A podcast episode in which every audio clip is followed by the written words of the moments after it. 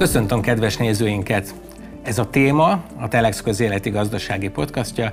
Én Brückner Gergő vagyok, a Telex újságírója, és sok szeretettel köszöntöm a stúdióban Simor András volt jegybankelnököt.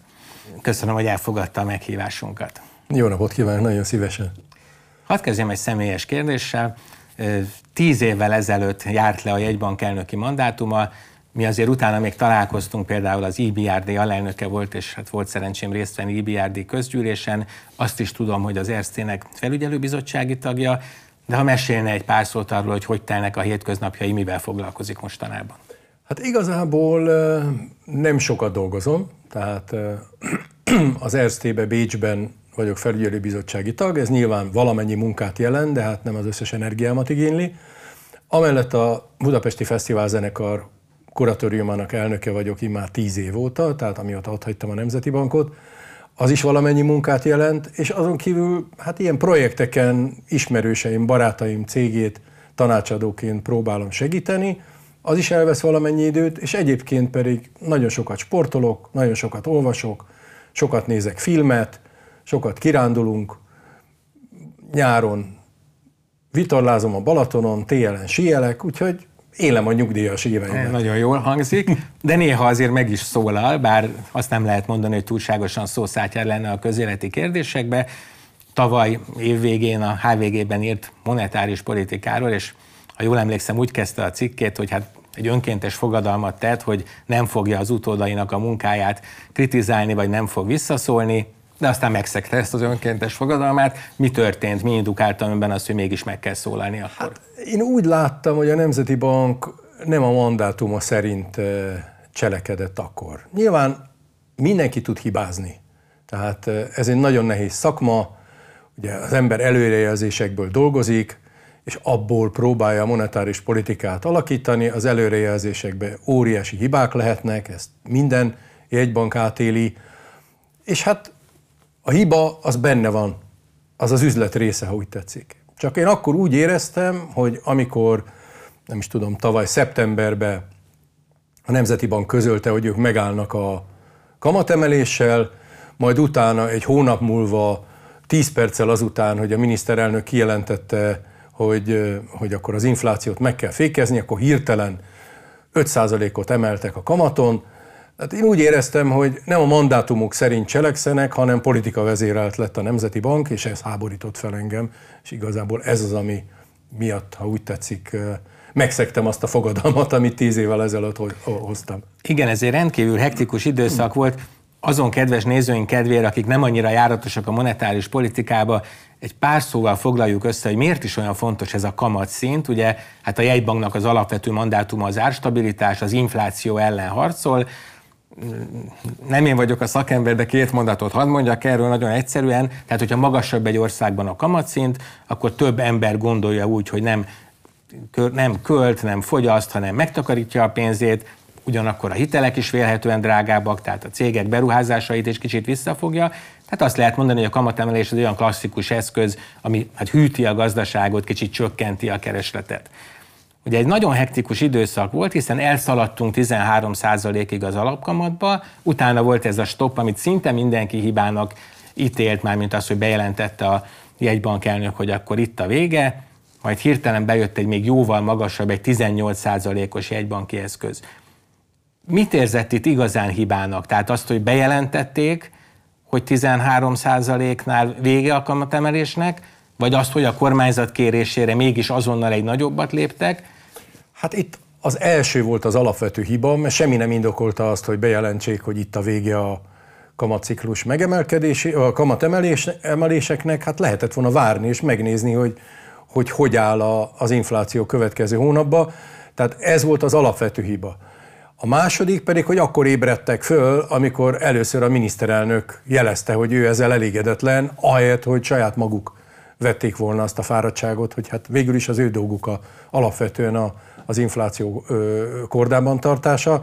Tehát én azt gondolom, az első hiba volt a, a nagyobb, a második hiba az már a másodiknak a következménye, hogy meg kellett várni, amíg lögdösik őket, hogy, hogy valamit kéne csinálni. Igen, azért is nagyon érdekes, amit mond. Tehát azt a részét értem, hogy a 13% mint felső plafon bejelentése, hát az egy felhívás volt keringőre, lehet támadni a forintot, nem fogunk védekezni. Ez, ez tiszta. De ha belegondolok, hogy ugye a másik kritikai elem, hogy aztán a kormányzat nógatására mégis egy intenzívebb kamatemelésbe kezdett a jegybank, ez mintha teljesen ellentétes lenne azzal, ami azóta történt, mert ugye azóta valami olyasmit látunk, mint hogyha a kormány, elsősorban Nagy Márton gazdaságfejlesztési miniszter, illetve a jegybank, Matölcsi György jegybankelnök azon versenyezne, hogy a kormány oldal szeretné lenyomni a kamatokat, és az MNB meg valójában funkciójának megfelelően védekezne az infláció ellen. Ez akkor egy fordulatnak tekinthető? Nem, én azt gondolom, hogy nagyon érdekes figyelni eh, Orbán Viktor nyilatkozatait, mert nagyon sokat elárulnak a, az ő és a kormány gondolkodásáról. És valamikor, még tavaly szerintem egy olyan nyilatkozatot tett, hogy nyilván a Nemzeti Banknak az elsődleges felelőssége a, a, az árstabilitás, ebben nincs is vita közöttünk. A második mondata úgy szólt, hogy a baj az, hogy a Nemzeti Bank egy olyan eszközt választotta az infláció csökkentésére, mint a kamat, és ez rengeteg kárt okoz a gazdaságba. Na de könyörgöm, milyen más eszköze van a Nemzeti Banknak? Nem nagyon vannak eszközei, csak a kamat. Tehát ebből az látszik, hogy a kormány az egész felelősséget megpróbálja rányomni a Nemzeti Bankra, miközben neki is van súlyos felelőssége. Egyrészt abban, hogy ilyen magas az infláció, másrészt, hogy olyan lassan fog csökkenni az infláció, mint amilyen lassan csökkenni fog. És ezt az egész felelősséget rányomja a Nemzeti Bankra, és ő azt mondja, hogy ő védi az embereket az infláció ellen, amiben van igazság, mert olyanokat lép a kormány, mint például a Baros Gábor hitelprogram, ami nevetségesen, az inflációhoz képest nevetségesen alacsony kamatokkal eh, ad hitel lehetőséget a vállalatoknak. Nyilvánvalóan a vállalatok örülnek neki, meg ez jót is lesz a növekedésnek, csak ez le fogja lassítani az infláció csökkenését. Tehát a kormány, ha úgy tetszik, politizál ebben is, mint mindenben, és azt gondolja, hogy az infláció sarát azt majd a Nemzeti Bank elviszi. Azt hiszem, hogy nagyon pontosan fogalmazott, mert ugye Orbán Viktor intézkedései kapcsán úgy fogalmazott, hogy védi az embereket az infláció ellen, ugyanakkor annál a bizonyos 20 pontnál, amit nemrég a parlament előtt is bemutatott a miniszterelnök, ő valahogyan úgy fogalmazott, hogy az infláció ellen tett intézkedéseket mutatja be, miközben pont azt gondoltam én, vagy írtam is erről cikket, hogy abból a 20 intézkedésből legalább 19 olyan volt, ami keresletet növelt, mert vagy olcsó forrást helyezett ki a vállalatoknak, mint a Baros programnál, vagy pénzt hagyott a lakosságnál, rezsicsökkentés, nem tudom, kamatstop, különböző, tehát növelte a fogyasztási lehetőségeiket. Értem, hogy a kormánynak a recesszióra is figyelni kell, meg a szavazókra, de mennyire ahogy ez Magyarországon zajlik, ez a csiki-csuki, ez a kontra-rekontra, ez mennyire káros a megítélésünk szempontjából? Hát nem csak a megítélésünk szempontjából, az csak egy járulékos elem. Alapvetően ez káros a gazdaságnak, mert lehet, hogy rövid távon ez a GDP-t növeli, vagy kevésbé fog csökkenni a GDP, mint egyébként csökkenne, de az infláció csökkenési folyamatát rendkívül lelassítja, és mint ilyen hosszabb távon a gazdasági növekedést vissza fogja fogni. Tehát Magyarország felzárkózását, ami nem egy egyéves folyamat, azt tudjuk, ez lassítani fogja. Egy magas inflációs gazdaság nem tud olyan gyorsan fölzárkózni a világhoz, mint egy árstabilitással rendelkező gazdaság. Tehát ennek gazdasági előnyei szerintem, most nem hat hónapos meg egy éves távlatban gondolkodunk, ezek nincsenek. Politikailag ez valószínűleg előnyös a kormánynak, mert ő azt tudja mondani, hogy mi megvédünk titeket az infláció ellen, és ez politikailag nyilván egy jó pont, a gazdaság meg ebből károsodik. Igen, tehát egy ilyen egészségügyi képpel akkor ön inkább annak a híve, hogy fájjon nagyon, viszont utána gyógyuljon meg a beteg, vagy gyorsan avatkozzon be az orvos ha jól értem, de lehet, hogy most nagyon leegyszerűsítettem a gondolatait, tehát hogyha ez egy kormányzati és jegybanki én, vita, akkor inkább a jegybanknak ad igazat, én, tehát legyen ezt, most magas a kamat. Én nem de... úgy fogalmaznám, hogy fájjon jobban, én, úgy, én azt úgy fogalmaznám, hogyha én három hétig egyfolytában eszem mértéktelenül, akkor el fogok hízni. Akkor utána jön egy fogyókúra, és ezt a fogyókúrát nem önmagában kell értelmezni, hanem ez, ha úgy tetszik, a büntetés azért, mert három hétig degeszre ettem magam. És hát a magyar gazdaságban ez folyt.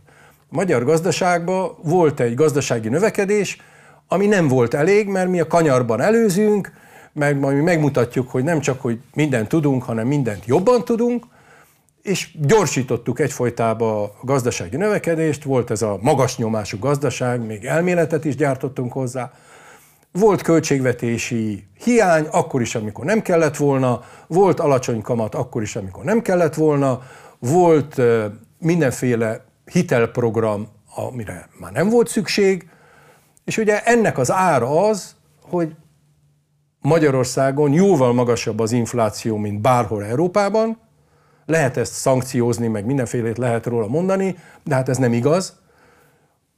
A magyar inflációnak egy nagyon jelentős oka az a gazdaságpolitika, amit az elmúlt négy-öt évben a magyar kormány és a Magyar Nemzeti Bank folytatott, és ennek az árát most ki kell fizetni. Most jön a koplalás, Azért, mert degeszre ettük magunkat. Igen, előbb egy egészségügyi képpel próbálkoztam, most egy egyházi képpel próbálkozok, tehát gyakorlatilag nem az van, hogy bőjtöltünk, és a végén jön az ünnepi lakoma, hanem fordítva három hétig lakomáztunk, de most aztán muszáj egy kicsit pihentetni a, a gyomrunkat.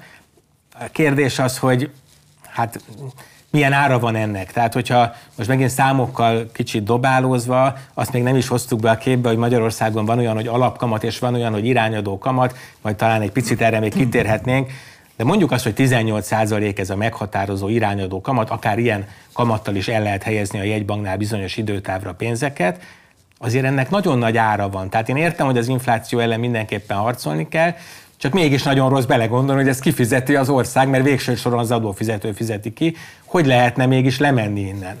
Hát ugye több dolog van. Egyrészt, hogy ennek nem kéne ilyen magasnak lennie, és úgy is lehetne az infláció ellen harcolni, hogyha a kormány nem próbálná semlegesíteni a Nemzeti Bank kamatpolitikáját lépten nyomon.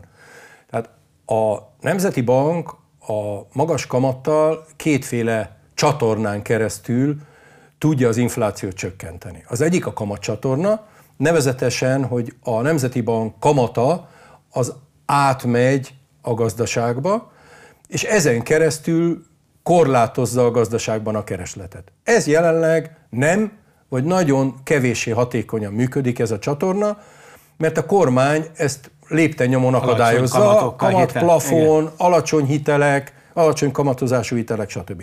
Tehát a kamatcsatorna nem, vagy nagyon hiányosan működik. Az árfolyam csatorna ezért erősebb kell, hogy legyen ahhoz, hogy az infláció csökkenhessen. Tehát ezért kell ez a borzasztó magas 18%-os kamat, ami aztán nyilván megerősíti a forintot, az erős forinton keresztül az importárak azok csökkennek, és ezen keresztül van egy infláció csökkentő hatás. Ha kamatcsatorna tudna működni, akkor nem lenne szükség a 18%-os kamatra.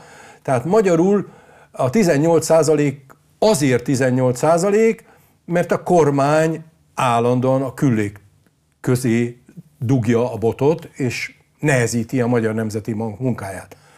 Na most ennek viszont az a következménye, hogy nyilván a Nemzeti Bank mérlegében megjelenik majd egy brutális nagy veszteség, ami alapvetően a nap végén a költségvetés és az adófizetők vesztesége, és ugyanakkor megjelenik egy másik veszteség a költségvetésben a támogatott hitelek miatt. Mert amikor 5%-on hitelezünk, miközben a költségvetés 15%-on jut pénzhez, azt a 10%-ot megint az adófizetők fizetik ki, tehát duplán bukik a magyar adófizető ezen az egész rendszeren. Igen, és ugye a kormány Hát részben arról már, azt már érintettük, hogy oda is téved a monetáris politika területére, amikor maga határoz meg bizonyos kamatintézkedéseket, még ha ebben nem is mentünk bele részletesen, de többen is, akár maga a miniszterelnök, akár a már említett Nagy Márton, hát finoman fogalmazom, mondjuk az óhajukat fejezték ki, hogy lassan azért lehetne már lejjebb ez a, ez a kamatszint, ugye az egy különösen szomorú apropó volt egy pár hete, hogy még ennél a nagyon magas, valóban az árfolyamra összpontosító kamatszínnél is volt egy intenzív forint gyengülés különböző hát, gazdasági események hatására. Mit következtet, minek kellene bekövetkeznie ahhoz, hogy azt mondjuk, hogy egy kicsit lehet lazítani mondjuk az árfolyam csatornán, vagy a kamat csatornán, tehát hogy egy kicsit el lehet engedni a forintot, le lehet menni 18-ról 15-re, milyen jelek kellenének ehhez? Hát én azt gondolom, hogy alapvetően azt kellene látni, hogy az inflációs folyamat az megtört. Tehát, hogy elkezdett jelentősen és, és tartósabban csökkenni az infláció. És erre egyelőre még olyan nagyon erős jeleket nem láttunk. Nyilván az erős forint az erős, erősebb, mint ami volt mondjuk így, az, az hozzá fog járulni ehhez a folyamathoz, de kérdés, hogy ez mikor és milyen erővel fog megjelenni majd az inflációs adatokban. Igen, ez is egy nagyon érdekes anomália, hogy mondjuk Magyarországon kerekítsünk 25% az infláció, az EU-ban nem tudom, mondjuk 8-9 átlagosan, vagy az eurozónába, és ekközben a forint erősödik az euróval szemben, tehát gyakorlatilag, ha csak ebből a tényezőre utalunk, akkor rögtön értjük, hogy hát hogy lehet az, hogy mondjuk a magyar árak most már nyugati összehasonlításban is magasak egy élelmiszerboltban? Hát abszolút, hát a, ahogy én hallom, a nyugati határszínen az emberek átjárnak vásárolni Ausztriába, mert ott olcsóbbak, olcsóbbak Igen, a Szlovákiába, tehát... Romániába átjártunk, de az egész határ körül érdemes. Ez... Azért elég vicces, hogy Ausztriába igen. járunk vásárolni, mert ott olcsóbb. Hát igen, vagy az elhíresült olasz példa, hogy az olasz tészta Így van. érdemben Így olcsóbb van. Olaszországban, mint Magyarországon. Nemrég olvastam, hogy egy izraeli lapnak nyilatkozott, és ott nem pusztán mondjuk a szűkebben vett gazdasági kérdésekben, hanem valamennyire egy a demokrácia állapotáról is nyilatkozott, ami hát gondolom izraeli szempontból most különösen érdekes, hiszen szinte már közhely, hogy Netanyahu-t Orbánhoz hasonlítják, az igazságügyi reformot a magyar változások tükrében nézik, nem tudom, hogy hogy jött ez a megkeresés, és jól éreztem el, hogy kifejezetten, hát hogy is mondjam, borús képet festett a demokrácia állapotáról. Hát igen, nagyon érdekes volt, mert egy londoni volt kollégám adta meg egy izraeli újságírónak a nevemet, és hát a, az egésznek a következménye az lett, hogy adtam egy interjút, de az annyira népszerű lett Izraelbe, hogy utána meghívtak egy konferenciára, Tel Avivba, ahol három Nobel-díjas közgazdász egy, együtt adtam elő, ami nekem nagyon, nagyon zavaró volt, mert hát én messze nem makro és ilyen tudósként nem gondolom magam, de hát gyakorlati tapasztalatom volt arról, ami másnak nem nagyon volt, hogy mi történik akkor, amikor a demokráciát egy országban felszámolják, és milyen hatással van ez a gazdaságra, és utána valaki azt mondta nekem a nézőközönségből, hogy hát körülbelül olyan volt, mint egy horrorfilmet nézett volna, amikor elmondtam neki, hogy mi minden történt az igazságszolgáltatásban, amire most csak készültek eh, Izraelben, de hát aztán úgy néz ki, hogy most legalábbis megakadt a folyamat. Hát, hogy aztán mi lesz a vége, azt nem tudjuk. De, de én tényleg nagyon pessimistán látom azt, ami, ami Magyarországon a demokrácia kapcsán történt, és nem csak az igazságszolgáltatásban, hanem, ami, hanem sok területen, aminek nyilván van hatása a gazdaságra, mert a gazdaság nem egy légüres térben működik, hanem abban a politikai, szociális környezetben, ami, amit Magyarország teremt számára. És amikor egy ennyire éles kritikát megfogalmaz, akkor érkeznek visszajelzések? Tehát van, aki azt mondja, hogy hát András azért ez egy kicsit sok volt, vagy van, aki azt mondja, hogy megerősíti, hogy ezzel a véleménnyel azért ön mégiscsak a magyar gazdaság top elit, nem soroltuk föl minden állomását, ugye a CAI vagy a Döloj vezetése, de hát gondolom mindenkit ismer a magyar gazdaság top vezetésébe. Mi ilyenkor a visszaér? Nem a konferenciára gondolok, hanem amikor ugye a magyar sajtóban is megjelent ez a... Nem, semmi kapcsolatom nincs a mai Magyarország vezetőivel, úgyhogy a barátaimtól érkezik legfeljebb visszajelzés, de ők nem nagyon szoktak kritizálni. Uh-huh. Ezen egyébként gondolkodtam, hogy milyen érdekes, hogy a, a CAIB, ami hát egy ilyen nagyon fontos tőkepiaci műhely, cég, elemző cég volt valaha, hány felé dobta a szakembereket, mert ugye a jelenlegi kormányban, és van egykori caibos miniszter, ugye Lantos Csaba, de hát a Bajnai Gordon, illetve ön mindenképpen a kritikus oldalra sorolható. Van személyes kapcsolatuk, vagy ez két árok, ásott oldal? Van, akivel van, van, akivel nincs, és hát nyilván vannak olyan helyzetek, amikor az ember nagyon nehezen tud kapcsolatot fenntartani volt kollégáival, akikről úgy gondolja, hogy túlléptek egy az, olyan határt, ami az emberi viszonyokat lehetővé, az emberi viszonyok fenntartását lehetővé tenni. Uh-huh.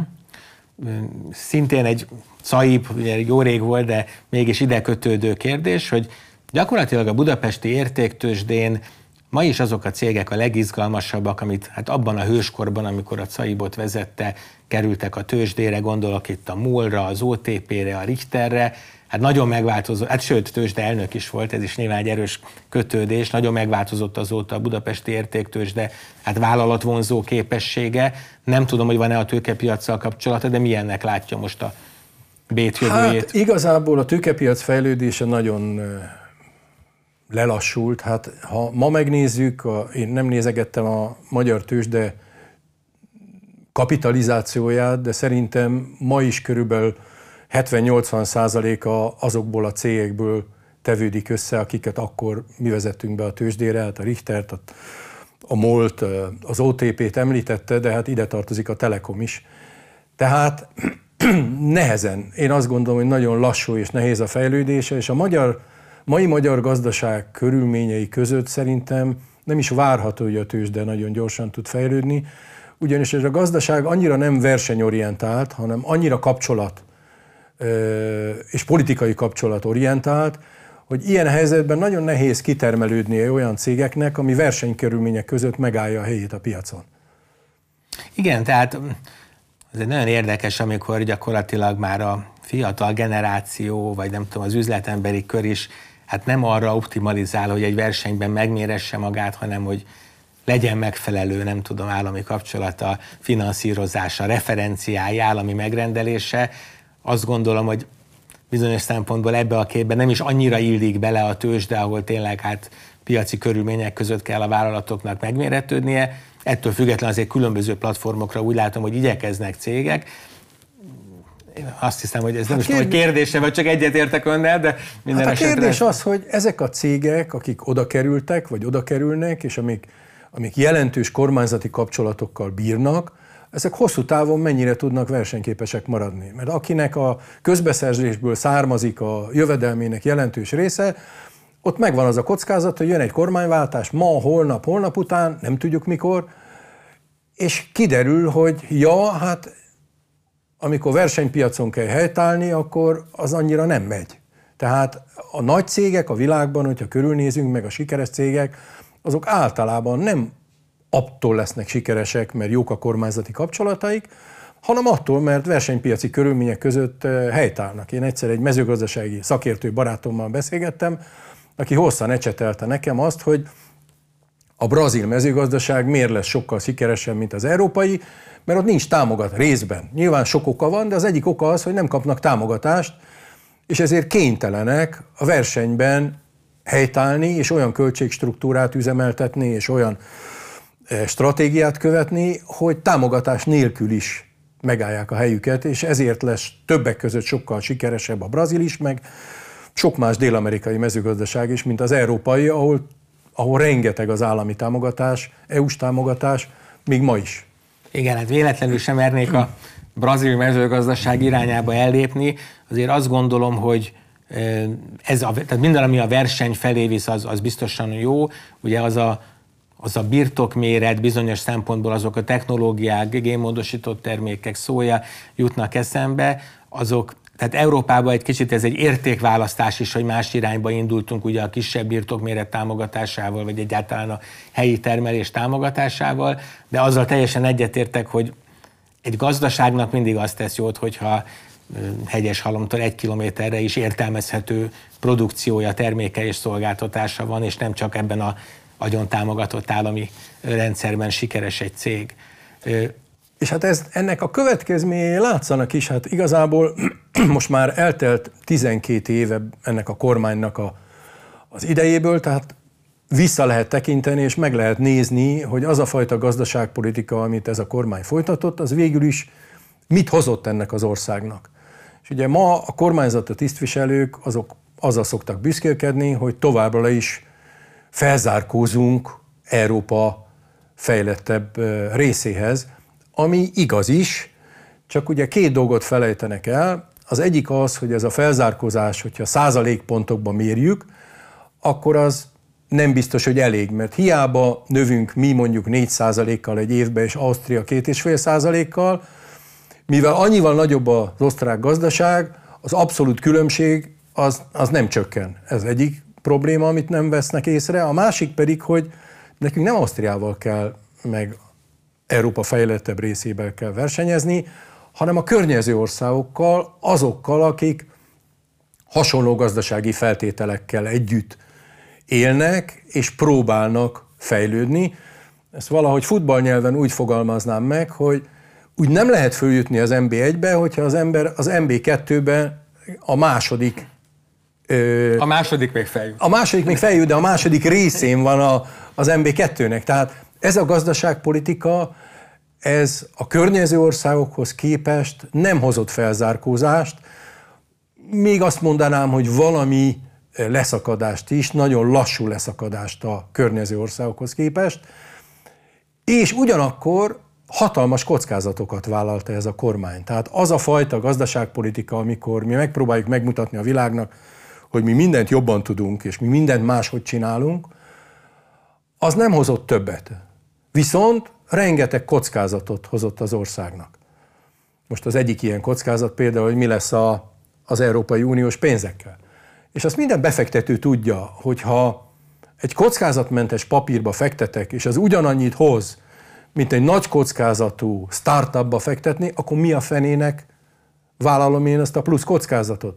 Tehát én azt gondolom, hogy a elmúlt 12 év arról szól, hogy az, Or- az Orbán kormány folyamatosan nagy kockázatokat vállalt, és ezekkel a nagy kockázatokkal tulajdonképpen nem ért el semmit, ahhoz képest, mint hogyha nem vállalta volna be ezeket a kockázatokat. Sőt, ugye azzal a magas nyomású gazdaságpolitikával egy csomó egyensúlytalanságot teremtett az országban, aminek az egyik tünete ez a, ez a magas infláció, a másik tünete pedig az, hogy ugye 50%-kal kevesebbet ér a forint ma, mint, mint 10 évvel ezelőtt, és ezt, ennek az árát most meg kell fizetni, és most jön a fogyókúra. Tehát én azt gondolom, hogy az elkövetkező négy-öt évben ezt az inflációt le kell tudni hozni, és nyilván egy 25%-ról lehozni az inflációt 2-3%-ra, az többekkel fog kerülni, mint Csehországban, ahol 15%-ról kell lehozni az inflációt. Igen. A forint 50%-os leértékelődését szóba hozta, hadd idézzek föl egy, egy, egy régebbi eseményt. Ugye 2007 és 2013 között volt jegybankelnök, és ahogy készültem a beszélgetésre, hát elolvastam az akkori viták bizonyos elemeit, és hát érdekes volt ugye a bemutatkozása, amikor hát arról is kérdezték, hogy mennyire tartja reálisnak az euró bevezetését. Hát ugye azóta ez eléggé lekerült a napirendről, már nagyon elméletinek tűnik egyáltalán a kérdés felvetése is, ennek a leértékelődésnek a függvényében most hogy látja ez? Segítene az országnak egyáltalán valami fajta csíráját, hogy ezen van gondolkodás a mai vezetők, mai gazdaságpolitikusok agyában? Lát erre valami példát?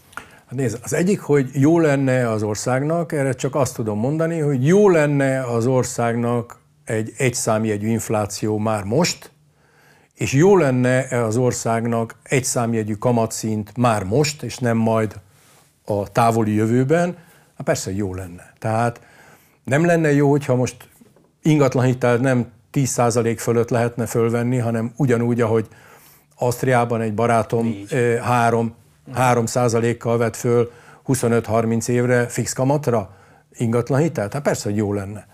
Szóval, és ha az eurózónában lennénk, akkor nyilvánvaló, hogy nem lenne ekkora az infláció, mert a monetáris politikát többek között nem a Magyar Nemzeti Bank csinálná Magyarországon. Ez az tehát, oldala biztos jó, tehát, tehát, jobb, tehát jobb lenne. Nyilván vannak más következményei ennek, hogy ennek, mennyi ennek a realitása, hát szerintem nulla a realitása, hogy, a, ez, ez alatt a kormány alatt, mert ennek a kormánynak az a véleménye, hogy a monetáris politika egy szuverenitási kérdés, és mint olyan senki ne beszéljen bele abba, hogy nálunk mennyi a kamatszint, és hogy mennyi a forint árfolyama, úgyhogy a szuverenitás belekerül nekünk 10% kamatba. Igen, itt talán azért annyit hadd tegyek hozzá, hogy vannak olyan kérdések, főleg a politikában, ahol tényleg ez a szuverenitás, mint valami fajta öncél, ne pofázzon bele a nyugat, így jelenik meg. Itt azt hiszem talán annyiban más a helyzet, hogy ez a forint leértékelődésével járó versenyképesség fenntartás, ami lehet, hogy egy zsákutca és a mondjuk a magyar munkavállalóknak nem egy megfelelő irány legfeljebb a munkáltatóknak, azért úgy tűnt, hogy ez egy kulcseleme a magyar gazdaságnak az elmúlt egy évtizedben. Tehát aztán, hogy nem csak egy ilyen kivagyiságból nem akarja elveszteni mondjuk a, a, a kormány ezt a szuverenitást, hanem hát ez volt az egyik kulcspont a gazdaságunkban. Abszolút, de a szuverenitás arról szól, hogy mi olyan gazdaságpolitikát csinálunk, amit mi akarunk, mert mi mindent tudunk, sőt, mindent jobban tudunk. Mm. Két analógiát hadd hozzak ugye a egykori jegybank elnökségével kapcsolatban a mai helyzettel. Pont az elmúlt napokban derült ki, hogy új monetáris tanács tagokat delegál a, a, a kormány, Ugye ez nem biztos, hogy mindenki számára egyértelmű, de a monetáris tanács az az a testület, amelyik az alapkamatról dönt. Ugye itt Magyarországon megint egy kicsit nehéz nem behozni azt, hogy most mi is a legfontosabb kamat az országban. Minden esetre érkezett két új monetáris tag, és annó az ön idejében is volt egy ilyen helyzet, amikor hát kapott kívülről monetáris tanácstagokat, végül ők többségbe is kerültek, és hát ugyan határozottan az infláció elleni védekezésben egy magas vagy egy magasabb kamat mellett tette le a voksát, de ezek a külső tagok végül elkezdték ugye a kamatcsökkentést. Az egyik kérdésem az, hogy mennyire analóg a helyzet, hogy is néz ki egy ilyen kapott monetáris tanácsnak fogadtatása ez elnök szempontjából, és mennyire várható az, hogy ezzel esetleg lefelé indulhatnak a kamatok? Szerintem van nagyon sok hasonlóság a két helyzet között, de nem is csak az új monetáris tanács tagok tekintetében, mert én azt gondolom, hogy a monetáris tanács tagokat végül is a kormány, a miniszterelnök terjeszti elő, vagy javasolja, hogy a jóváhagyás kitől jön, az egy másik kérdés, de hát ha úgy tetszik, ő delegálja ezeket a tagokat, az eddigieket is, meg az újakat is. Tehát én azt gondolom, hogyha megkérdezi, hogy a lojalitása ezeknek a tagoknak kihez húz, akkor szerintem egy ilyen kulcshelyzetben, tehát amikor választani kell, akkor valószínűleg inkább a kormány felé, mint a, mint a Nemzeti Bank szakaparátusa, vagy a Nemzeti Bank döntés, belső döntéshozói felé. Tehát én azt gondolom, hogy visszatérve arra a kérdésre, amit említett, hogy ugye mondogatják már különböző kormánytagok, hogy csökkenteni kellene a kamatot, Szerintem ezek politikai üzenetek pillanatnyilag. Ha ők komolyan azt szeretnék, hogy a kamatot csökkentsék, akkor azt el tudják érni a, a monetáris tanács tagokon keresztül. Ilyen szempontból, ha úgy tetszik, nagyon sok hasonlóság van a, az akkori helyzet és a mostani helyzet között, de van egy másik hasonlóság is, amire utaltam, hogy az árfolyam csatornára utaltam, hogy az működik, de hogy a kamatcsatorna az nagyon nehezen működik, mert a kormány mindenfélét tesz, hogy ez nem működjön. Hasonló volt a helyzet akkor is, amikor én voltam a Nemzeti Bankban, akkor is az árfolyam csatorna működött, a kamatcsatorna meg nem annyira. Miért? Mert devizahitelek voltak az országban, és a devizahiteleken keresztül ugye az emberek nem annyira érezték a, a, a forint kamatok emelkedését, és ott is a devizahitelek szabályozása terén megint csak a kormány volt kulcshelyzetben. Ő tudta volna a devizahiteleket korlátozni, de úgy gondolta, hogy a növekedést nem akarja feláldozni, neki ez fontos, az emberek érezzék azt, hogy növekszik a gazdaság, és emiatt aztán a kamatcsatorna kevéssé működött. Ebben is van hasonlóság az akkori és a mostani helyzet között. Hadd zárjam végül a beszélgetést egy kritikusabb kérdéssel. Mi magunk is ütköztünk ebben a témában korábban, de azt hiszem, hogy nem csak politikailag fűtött közgazdászoknak volt az a véleménye, hogy ugye túl későn indult meg az ön idejében a kamatcsökkentés, ő mindig nagyon határozottan azt mondta, hogy az inflációt nem szabad elengedni, és ugye amikor hát később a Fidesz maga jelölhetett már jegybank elnököt, akkor hát fogalmazzunk úgy, hogy triumfálhatott, vagy fürödhetett a sikerbe, hogy nagyon gyorsan tudta csökkenteni a kamatot. Utólag hogy látja? Tehát nem volt túl óvatos a kamattal, nem lehetette volna egy kicsit korábban már lazítani 2012-13-ban a gyeplőn, vagy továbbra is kitart az akkori döntései mellett? Nézze, én azt továbbra is fenntartom, hogy ez a monetáris politika, ez egy piszok nehéz szakma. Tehát itt arról van szó, hogy itt nyilván előrejelzéseket kell gyártani, hogy mi lesz két év múlva az infláció, és ahhoz kell monetáris politikát, kamatszintet meghatározni. És ebben rengeteget lehet hibázni, ebben nem szégyen hibázni, most körülnézünk a világban, ezt a mostani inflációt, ezt mindenki benézte, az amerikai jegybank, az Európai Központi Bank, az égvilágon mindenki, de hozzáteszem, 2010-11-ben azt is benézte mindenki, hogy alacsony marad az infláció. Tehát nem szégyen hibázni. Én ugyanakkor azt gondolom, hogy azzal a háttérrel, ami Magyarországot jelentette akkor, 2013-ban.